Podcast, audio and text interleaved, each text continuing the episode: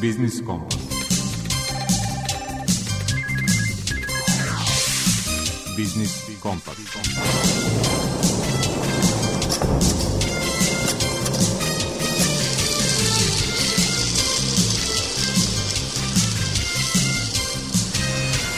Pred mikrofonom je Đuro Vukelić. Dobar dan poštovani slušalci. Nepune dve nedelje dele nas od kraja kalendarske 2023. i vreme je da polako sabiremo utiske i procenjujemo ekonomske rizike u nastupajućoj godini. Tome je prilagođen i sadržaj većeg dela današnjeg Biznis Kompasa. U rubrici Aktualno razgovaramo sa profesorom sa Beogradskog ekonomskog fakulteta Đorđem Đukićem o jednoj od najvećih glavobolja ekonomista privrednike građana u 2023. o inflaciji. Gost autor rubrike iz mog ugla, direktor Vojvođanskog IKT klastera Milan Šolaja, govori o sadašnjosti i budućnosti IT sektora u Srbiji – kako uvećati njegovo učešće na svetskom tržištu sa sadašnjih 0,5 odsto. U svetu preduzetništva rukovodilac projekata u regionalnoj razvojnoj agenciji Bačka Marija Prokopić predstavlja program podrške firmama koje žele da uđu u lance dobavljača multinacionalnih kompanija. Primjereno kraju godine i dolasku desetina hiljada naših građana iz dijaspore u rubrici Predmet financije Aleksandra Bešević iz Narodne banke Srbije govori o propisima koji regulišu unošenje i iznošenje deviza iz zemlje. Kraju godine primjerena je i rubrika Potrošačka korpa prava – o pravilima koja važe za novogodišnje rasprodaje, sezonska sniženja i slične akcije, govori predsjednik Udruženja za zaštitu prava potrošača Prosperitet, Radomir Ćirilović. Upozna smo se sa sadržajem današnjeg biznis kompasa i red je za muzičku numeru. lipstick,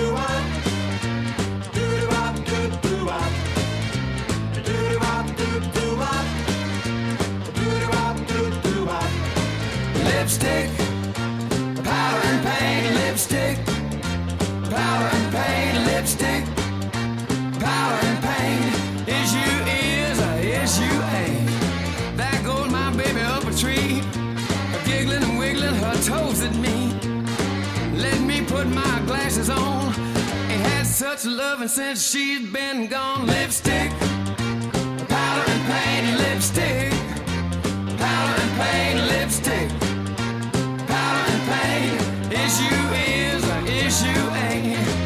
Hound dog scratching fleet, looking like she's in love with me. Lick my hand everywhere I go. I wish my baby loved me so. Lipstick, powder and paint, lipstick,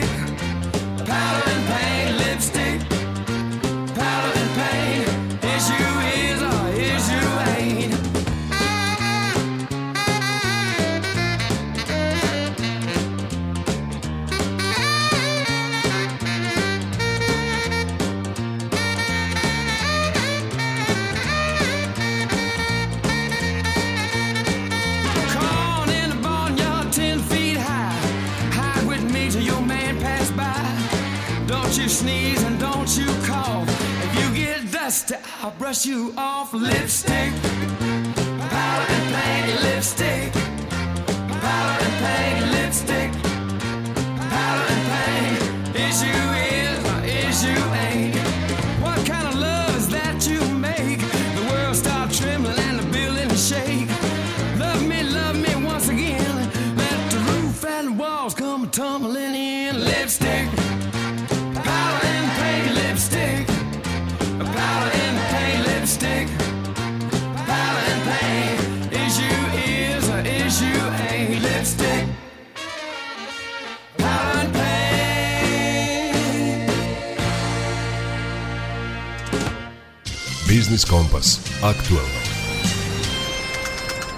Trend stagnacije potom i snižavanja inflacije prisutan je posljednjih meseci u svetu, a posledično i kod nas. Znači li to da su monetarne mere najznačajnijih i nacionalnih centralnih banaka konačno dale rezultat? Pitali smo profesora sa Ekonomskog fakulteta u Beogradu, Đorđa Đukića. Što se tiče borbe protiv inflacije u privredi eurozone, ona je opadala tempom bržim nego što se inače očekivalo. Za prethodni deo godine poslednji podaci kažu da je ona bila meren indeksom potrošačkih cena 2,4% na godišnjem praktičnom nivou. A s druge strane postoji faktor koji ukazuje na to da ipak bazna stopa inflacije koja je ključna za ne samo Europsku centralnu banku, već za sve centralne banke, ipak opada sporim tempom, pri čemu svakako treba imati u vidu da to je fenomen koji je već podavno prisutan u privredi SAD-a da je stopa inflacije izuzetno niska, čak primjera radi kod roba rast cena je bio nulti, tamo su cene usluga i cene nekretnina uticale da inflacija bude nešto veća, Tako da faktički živimo u jednom periodu nizlaznog ciklusa kada je reč o rastu cena na malo, a s treće strane moramo imati u vidu dimenziju da je to rezultat praktično izuzetno restriktivne monetarne politike koje je nametao pre svega američki Fed, a Evropska centralna banka isto sledila nešto na nižem nivou kad je reč o, o agresivnosti. S druge strane, zemlje poput Srbije praktično, koje imaju visok intenzitet spoljno-trgovinske odnosa, naravno sa zemljama privrede eurozone, svakako sve te pozitivne efekte uključuju u ponašanje stope inflacije, tako da pad stope inflacije kod nas koja trenutno na godišnjem nivou mereno potrošačkim cenama iznosi 8% je velikim delom rezultat tih povoljnih, možemo reći, eksternih okolnosti, pre svega u eurozoni i, što je bitno istaći, nižeg nivoa ključne kamatne stope ECB-a odnosu na američki Fed. Za nas u Srbiji, odnosno korisnike kredita, ja uvek to želim da potenciram, ključno je gledati ponašanje Euribora na šest meseci, jer groti kredita odnosno najveći deo zaključen sa klauzulom, znači gde Euribor sa šest meseci e, figurira.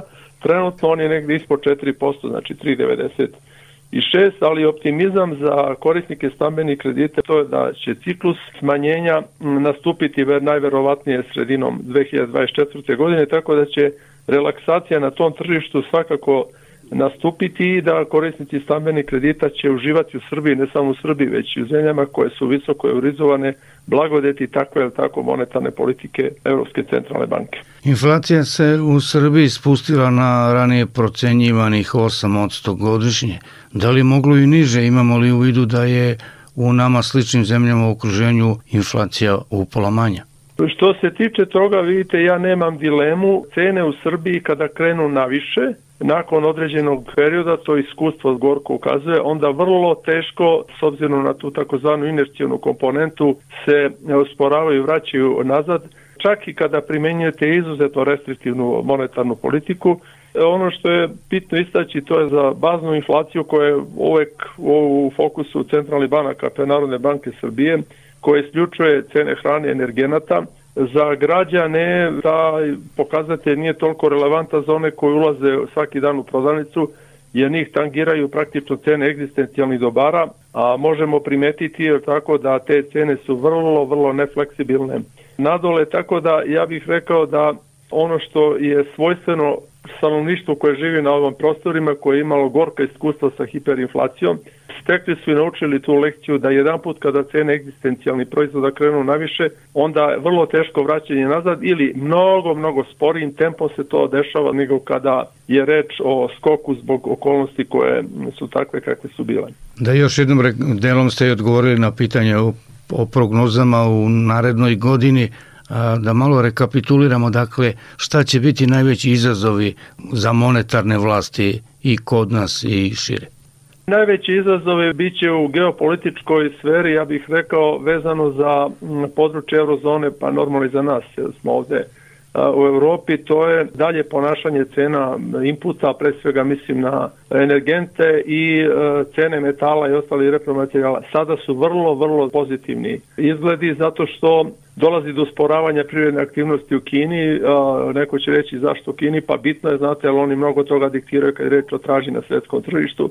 Tako da ja očekujem na bazi podataka sada dostupnih, to je da pritisci inflatorni sa te strane neće dolaziti u bliskoj budućnosti, znači ne i od strane hrane, ne i od strane pre svega metala i drugih inputa, uključujući vidite energente, tako da jednostavno optimizam s te strane jako, jako prisutan. Međutim, svaki geopolitički šok koji može da preokrene tu situaciju je nešto na što se mora uvek računati, pri čemu možda je donekle olakšavajuća okolnost skorija izbori u SAD-u da jednostavno po pravilu se situacija smiruje oči samo čina novembarskih izbora, jer niko ne želi tada da stvara napetu situaciju u svetu. E sada, to je sve nešto što je krajnje, krajnje neizvjesno i moramo mi ekonomisti biti krajnje obazrivi. Znači, na ekonomskoj strani čisto svi faktori idu u prilog tome da će inflacija u privredi eurozone biti još niža, ali da onaj ciljani nivo od nešto ispod 2% verovatno neće se postići ni do 2025. godine upravo zbog vrlo, vrlo spori procesa vraćanja te takozvane inercijone inflacije u normalu, pre svega u Evropi to je tržište radne snage, a kod nas, kao što sam vam rekao, ta nefleksibilnost kada je reč o ponašanju i preduzeća i svih onih koji su uključeni u lana, znate da jedan put podignute cene i kada padnu cene inputa, oni ne vraćaju na prethodni nivo. Naš sagovornik bio je profesor ekonomskog fakulteta u Beogradu, Đorđe Đukić. Đorđe, hvala vam za razgovor i za izdvojeno vreme. Hvala vama.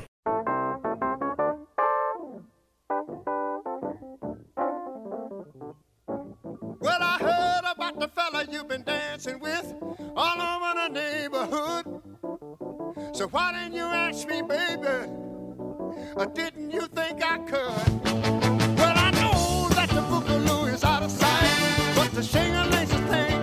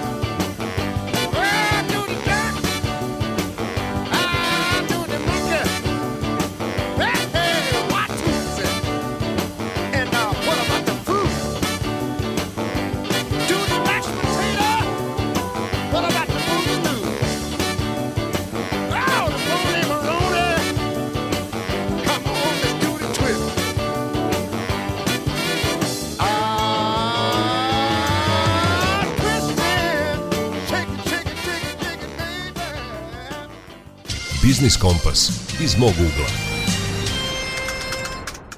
Najpre beše novinarska vez da izvoz IT sektora Srbije premašio izvoz malina. Potom smo se navikli da IT izvoz obimno premašuje milijardu evra. Pa ipak u globalnom izvozu IT sektora srpski izvoznici učestvuju sa samo pola procenta. To znači da i dalje postoji mnogo prostora za rast našeg IT sektora, naglašava u rubrici iz mog ugla direktor Vojvođanskog IKT klastera Milan Šolaja. Srpski IT sektor je dobro i zdravo, to možemo slobodno da kažemo. Imali smo par turbulentnih godina koje su bile uzrokovane prvo svetskom pandemijom koja je uslovila dosta pomeranje na tržištima, što je naravno uticalo i na naše kompanije koje uglavnom funkcionišu na tim tržištima. Nismo imali nekih prevelikih potresa, zapošljavanje u IT sektoru Srbije je raslo i ove godine i prethodne godine, jedino što je možda to zapošljavanje išlo malo slabim tempom. To je posljedica ne krize, kako su to neki izveštavali u IT sektoru, ja se nekoliko već puta govorio o tome u medijima, nije bilo nikakve krize, to je bila jedna korekcija tržišta i po prvi put možda od kako se IT sektor u Srbiji razvija smo imali situaciju da je jedna kriza uzrokovana pandemijom i posle pandemijskom recesijom imala možda malo uzbiljnijeg uticaja na IT u Srbiji, ali taj uticaj je bio u smislu da nije bilo više toliko obilja projekata da se moglo birati, nego su se naše firme morali potruditi da pronađu nove projekte, što ja nikako ne bih nazvao krizom, nego jednostavno, kao što rekao, jedna korekcija tržišta koja nas je natrala da malo ozbiljnije pristupimo na novim poslovima, novim klijentima i tako dalje. Srpski IT sektor je napredovao, naročito posljednjih nekoliko godina u kontekstu poslovnih modela. Naše firme su sazrele, Srbija je postala vrlo respektabilna destinacija za pronalaženje ljudi koji mogu da isporuče rešenje i usluge u ovoj oblasti i iskustvo koje smo prikupili tokom prethodne projekov bi sigurno dve decenije, a možda i duže, je uzrokovalo da naše firme je zauzmu jedno zaista napaženo mesto na svetskom tržištu. E sad treba naravno imati u vidu da bez obzira na zaista divan i fantastičan rast koji je ostvarila IT industrija na, na stranim tržištima, znači govorimo o izvozu IT usluga i rešenja, to je, kako bih rekao, posledica sposobnosti naših kompanija da evoluiraju i da tokom prethodnog perioda u stvari naprave tranziciju poslovnog modela sa čistog outsourcinga na ono što ja zovem custom software development, odnosno jedan bliži kontakt sa ciljanim tržištima, klijentima, gde se prave rešenja za krajnje korisnika, gde smo uspeli u velikom broju slučajeva da preskočimo tog nekog posrednika preko koga se ranije godinama radilo i to je na neki način jedan korak od razvoja sobstvenih rešenja. Prema tome, naše kompanije su svojim radom, znanjem i zalaganjem uspele da ostvare takvu poziciju. Bez obzira na taj rast koji se i dalje nastavlja, ukupna vrednost izvoza srpskog IT-a, odnosno usluga na globalnom tržištu i dalje je ispod pola procenta ukupne globalne vrednosti tržišta IT usluga, što dakle znači da i dalje postoji jako mnogo prostora za rast. Ograničavajući faktor je i dalje u najvećoj meri nedostatak radne snage. Svedoci smo da smo uprkos uspešnom povećanju kvota na računarskim studijama u Srbiji, širom Srbije, i dalje nema dovoljno ljudi koji bi omogućili da naše firme preuzmu još i veći deo tog globalnog kolača. Međutim, stvari se razvijaju u dobrom pravcu. Dosta toga je urađeno i na temu regulative što se tiče poslovnog okruženja u Srbiji za IT firme uvedeni su propisi na temu podrške inovacijama, IP Box, poreske olakšice, naročito za startupe, doneta je i strategija podrške preduzetništvu, takođe i strategija razvoja veštačke inteligencije među prvima u Evropi, što su sve dobri pokazatelji da i naša država vodi računa o tome da ovaj sektor posmatra kao jedan od najperspektivnijih i najvrednijih u našoj privredi. Drugi aspekt razvoja IT-a u Srbiji se tiče domaćeg tržišta. Znamo da je godinama vrednost domaćeg tržišta tavorila na nekih pola milijarde i mi smo dugo pričali o tome da je apsolutno neophodno podići ulaganje u IT na domaćem tržištu, gde je indikator u stvari tih ulaganja cifra koja označava ulaganje po glavi stanovnika. I dugo smo mi bile na neke 60 evra ili 65 evra po glavi stanovnika, što je značajno, značajno manje od evropskog proseka koji je negde oko 900 evra, ali evo i tu smo imali pomeranje u posljednje četiri godine, imamo rast vrednosti domaćeg tržišta koji jeste delom zbog inflacije koja je prisutna i u svetu, ali dobrim delom je i taj neki zdravi deo zbog povećanja potrošnje, tako da smo konačno stigli do vrednosti tržišta od milijardu evra, što znači da su ulaganja po glavi stanovnika prešla onu famoznu cifru od 100 evra po glavi stanovnika i treba nam još jedan mali napor ako se ovaj trend nastavi da konačno stignemo do cifre od 150 evra po glavi stanovnika, a to je cifra koju su imale sve zemlje koje su ušle u Europsku uniju 2004. godine. Dakle, to ne treba da posmatramo kao cilj, nego kao dostizanje jedne tačke koja u stvari ukazuje da Srbija postaje zemlja sa ozbiljnim znacima razvoja, zemlja u kojoj se nove tehnologije više koriste, što automatski znači povećanje ne samo produktivnosti i efikasnosti, nego i upotreba novih tehnologija kako bi se poslovi u svim sektorima mogli raditi na načine na koje je to bilo nemoguće bez upotrebe novih tehnologija.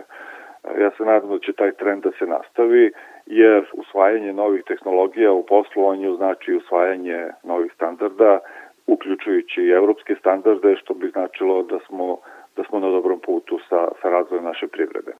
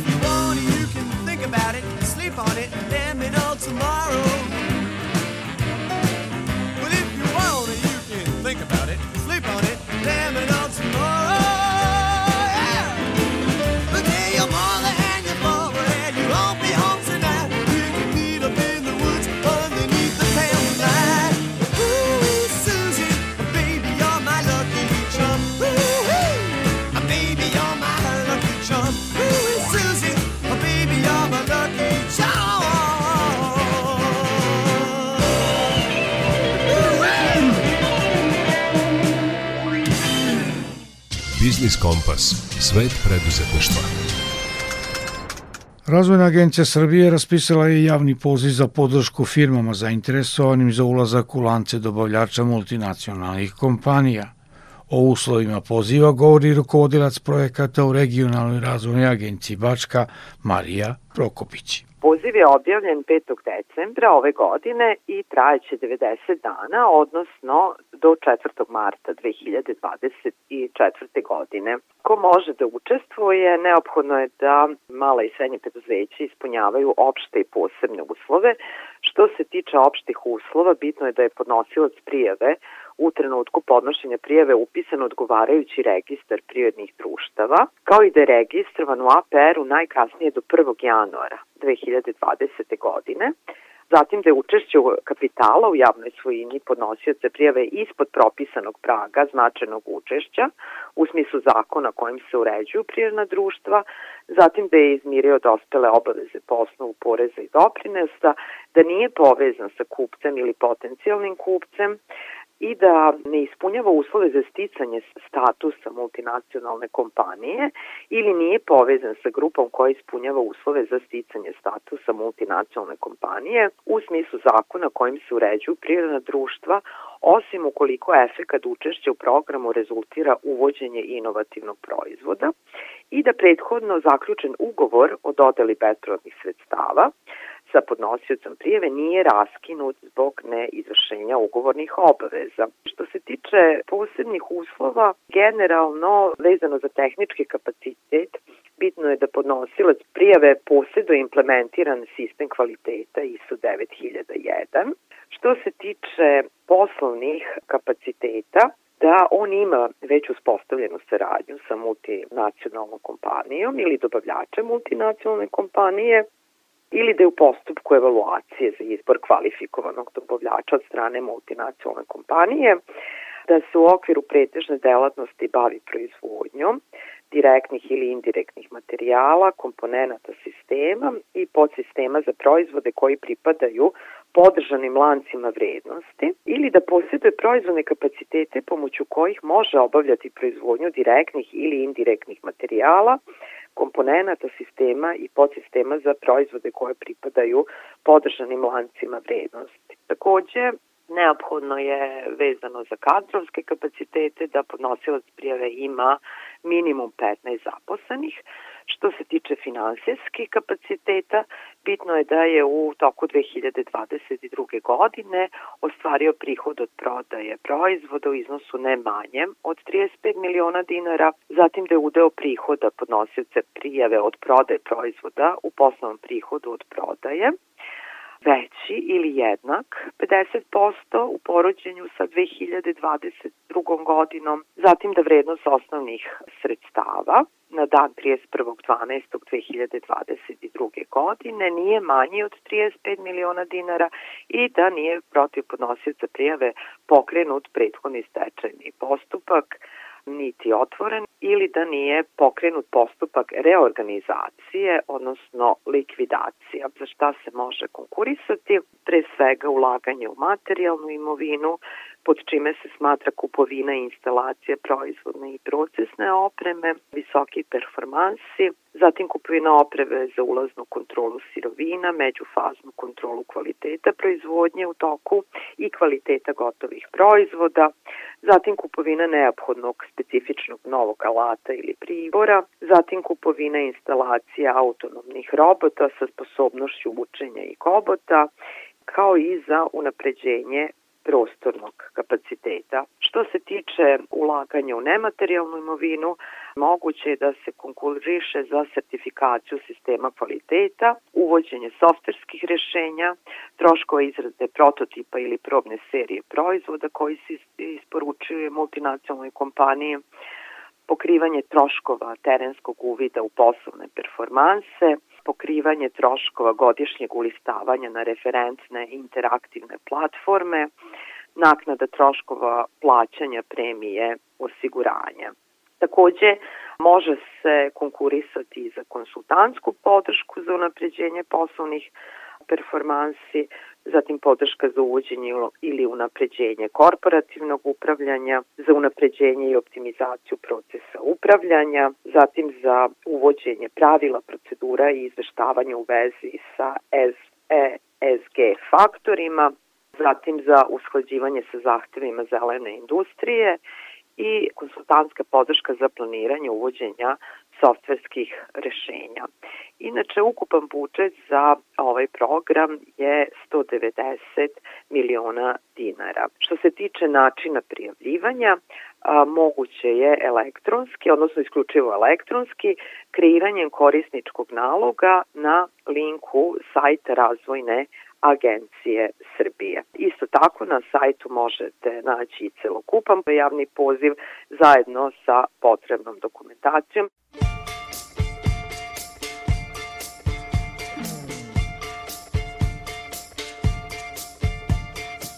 What you hiding? Where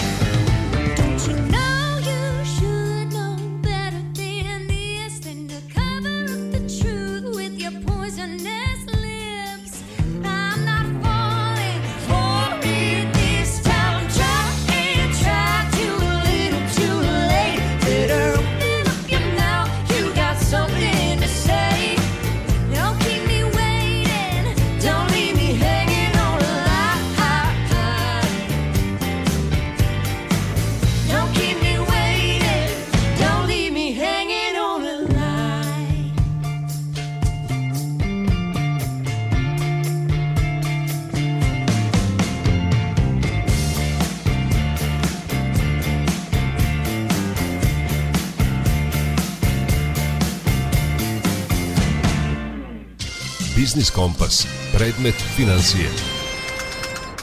Na pragu smo božićnih i novogodišnjih praznika koji podrazumevaju i masovan dolazak naših državljana iz dijaspore. Nije na odmet da se stoga podsjetimo i pravila oko unosa i iznosa efektivnog stranog novca iz zemlje, kako se ne bi događali nesporazumi na graničnim prelazima. Sa propisima iz te oblasti upoznaće vas viši stručni saradnik u sektoru za devizne poslove i kreditne odnose s inostranstvom u Narodnoj banci Aleksandra Bešević. Prvenstveno da preciziramo da efektivni strani novac predstavlja papirni ili kovani novac koji glasi na stranu valutu. Prenos ovih sredstava iz inostranstva i u inostranstvo regulisan je propisima kojima se uređuje devizno poslovanje, kao i sprečavanje pranja novca i finansiranja terorizma, a svi ovi propisi dostupni su građanima na zvaničnoj internet stranici Narodne banke Srbije. Što se tiče unosa efektivnog stranog novca u Republiku Srbiju, sva fizička lica mogu slobodno unositi stranu efektivu u zemlju, ali su dužna da sredstva iznad 10.000 evra po osobi, nezavisno od vrste valuta, prijave nadležnom carinskom organu na ulasku u zemlju, tako što će na graničnom prelazu da popune odgovarajući obrazac. Na osnovu popunjenog obrazca licu se izdaje potvrda o prijavljenim sredstvima koju su ona obavezna da čuvaju, budući da ukoliko ova sredstva kasnije iznose iz zemlje, to mogu da učine samo na osnovu ove potvrde koju prezentuju carinskim organima, a kojom se dokazuje da su navedena sredstva prethodno uneli u Republiku Srbiju. Naime, nadležni carinski organ pomenutu potvrdu poništava prilikom prvog izlaska iz zemlje, to jest ona važi jednokratno i ne može se koristiti više puta. Kada smo pomenuli iznošenje efektivnog stranog novca iz zemlje, treba naglasiti da fizička lica u inostranstvu mogu iznositi sredstva do iznosa 10.000 evra, odnosno protiv vrednost u drugoj stranoj valuti, dok sredstva preko tog iznosa mogu iznositi samo naši građani koji se iseljavaju iz zemlje i to na osnovu dokaza o iseljenju, a ne rezidenti, uključujući i naše građane iz dijaspore, kao što smo naveli, mogu iznositi sredstva u većem iznosu koje su prethodno uneli u zemlju na osnovu overene potvrde nadležnog carinskog organa o prijavljenim sredstvima pri ulasku, sredstva koje su podigli sa deviznog računa na osnovu potvrde domaće banke, odnosno sredstva koje su dobili prodajom dinara na osnovu potvrde menjača. Ukoliko prilikom izlaska iz zemlje nerezidenti ne posjeduju navedene potvrde, carinski organi mogu od ovih lica privremeno oduzeti sredstva u iznosu većem od 10.000 evra uz izdavanje odgovarajuće potvrde i protiv ovih lica se pokreće postupak pred prekršajnim sudom, a koji pored novčane kazne može izreći i meru delimičnog ili potpunog oduzimanja navedenih sredstava. Na kraju ističemo da se prethodno pomenuta obaveza prijavljivanja sredstava odnosi samo na sredstva u gotovini, što znači da naši građani koji su u dijaspori mogu slobodno da prenose sredstva sa svojih računa inostranstvu na račune koje su otvorili kod banaka u Republici Srbiji, a takođe mogu da vrše plaćanje u Republici Srbiji i putem svojih platnih kartica.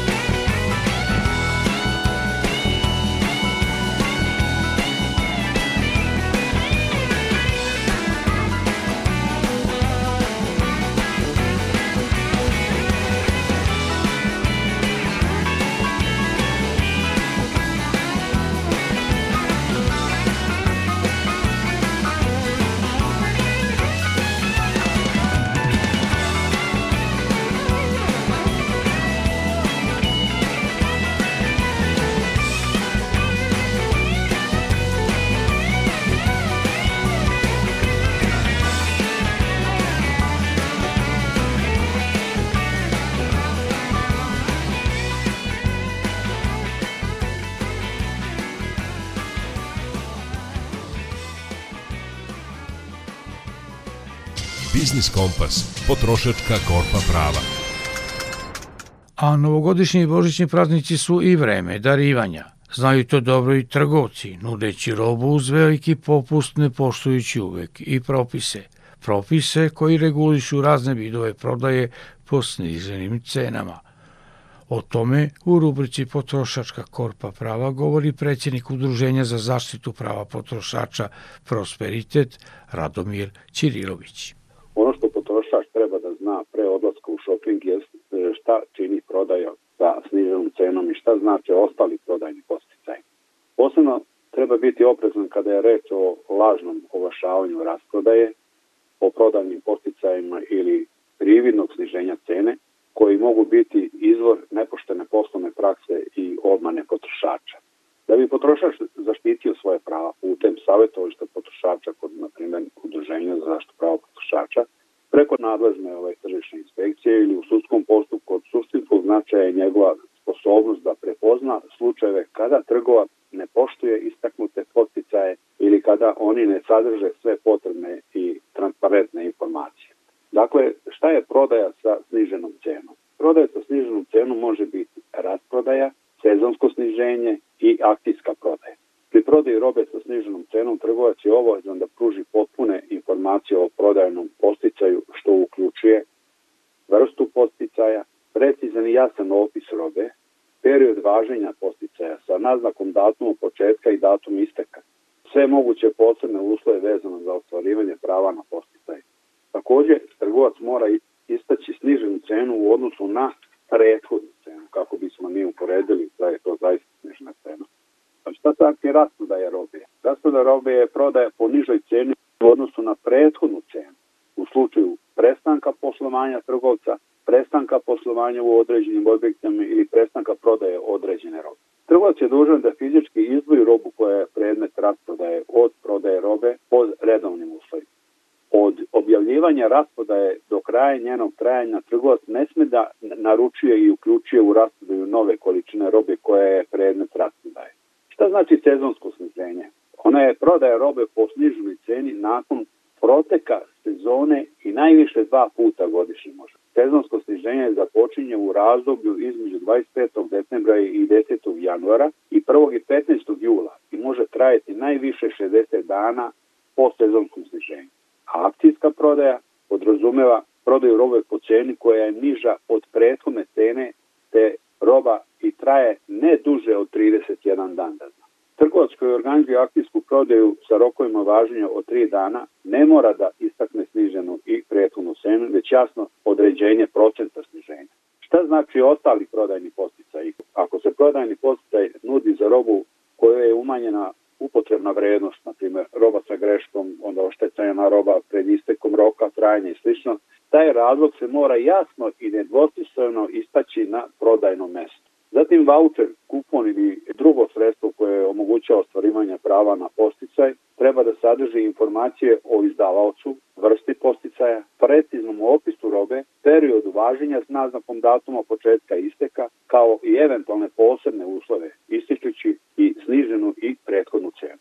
Poseban program lojalnosti je takođe jedan od ostalih prodajnih posticaja. Prodaje robe u okviru posebnih programa lojalnosti odnose se na kartice lojalnosti, sakupljanje bodova i slično, predstavlja poseban prodajni posticaj gde trgovac pod jasno definisanim i objavljenim uslovima određenim pogodnostima nagrađuje kupca za njihovu vernost. Pri ponudi prodajnog posticaja sa pratećim poklonom trgovac može da koristi reči besplatno, plati jedan, uzmi dva, dva za jedan i slično. Samo ako kupac ne snosi nikakve troškove osim neizbežnog troška isporuka.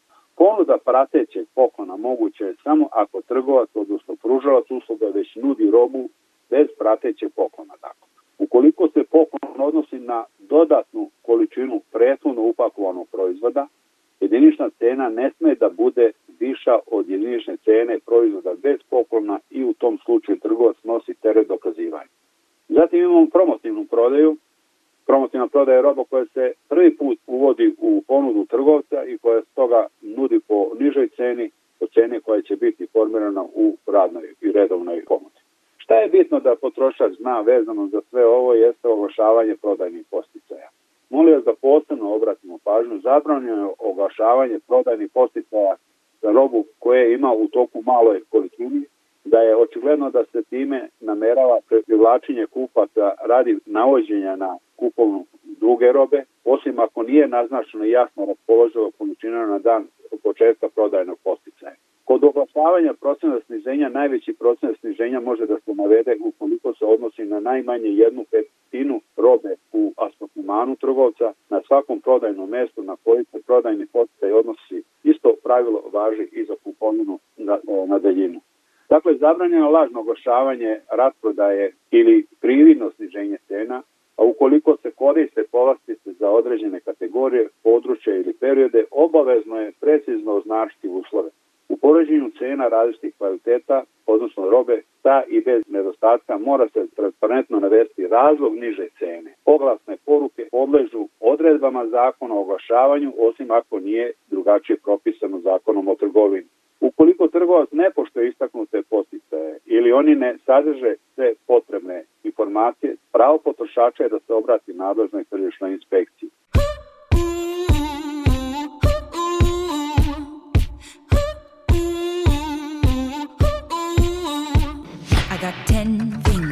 The sky, my back to the wall, my white flag high. Head lips just like a gun, she's got silver bullets on her tongue. He's deep under her spell. I'm screaming now, but it just won't help. I think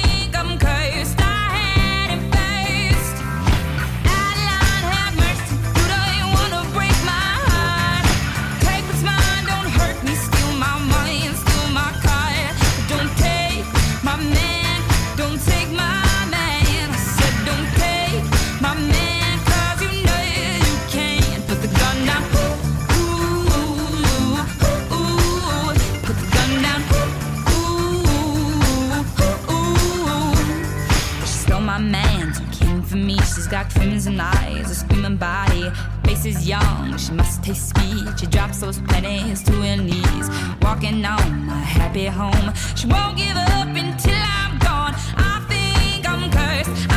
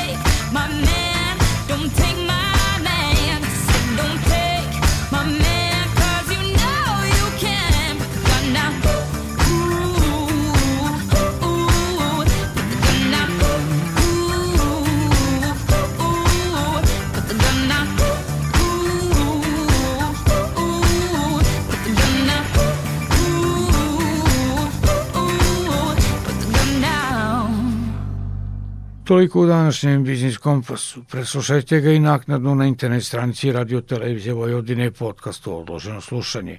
Muzički urednik Zoran Gajin, autor majstori Bolja Šanca i urednik emisije Đuro Vukilić vam žele ugodan nastavak popodneva i večeri uz program Radio Novog Sada. Zdravi bili i čuvajte se.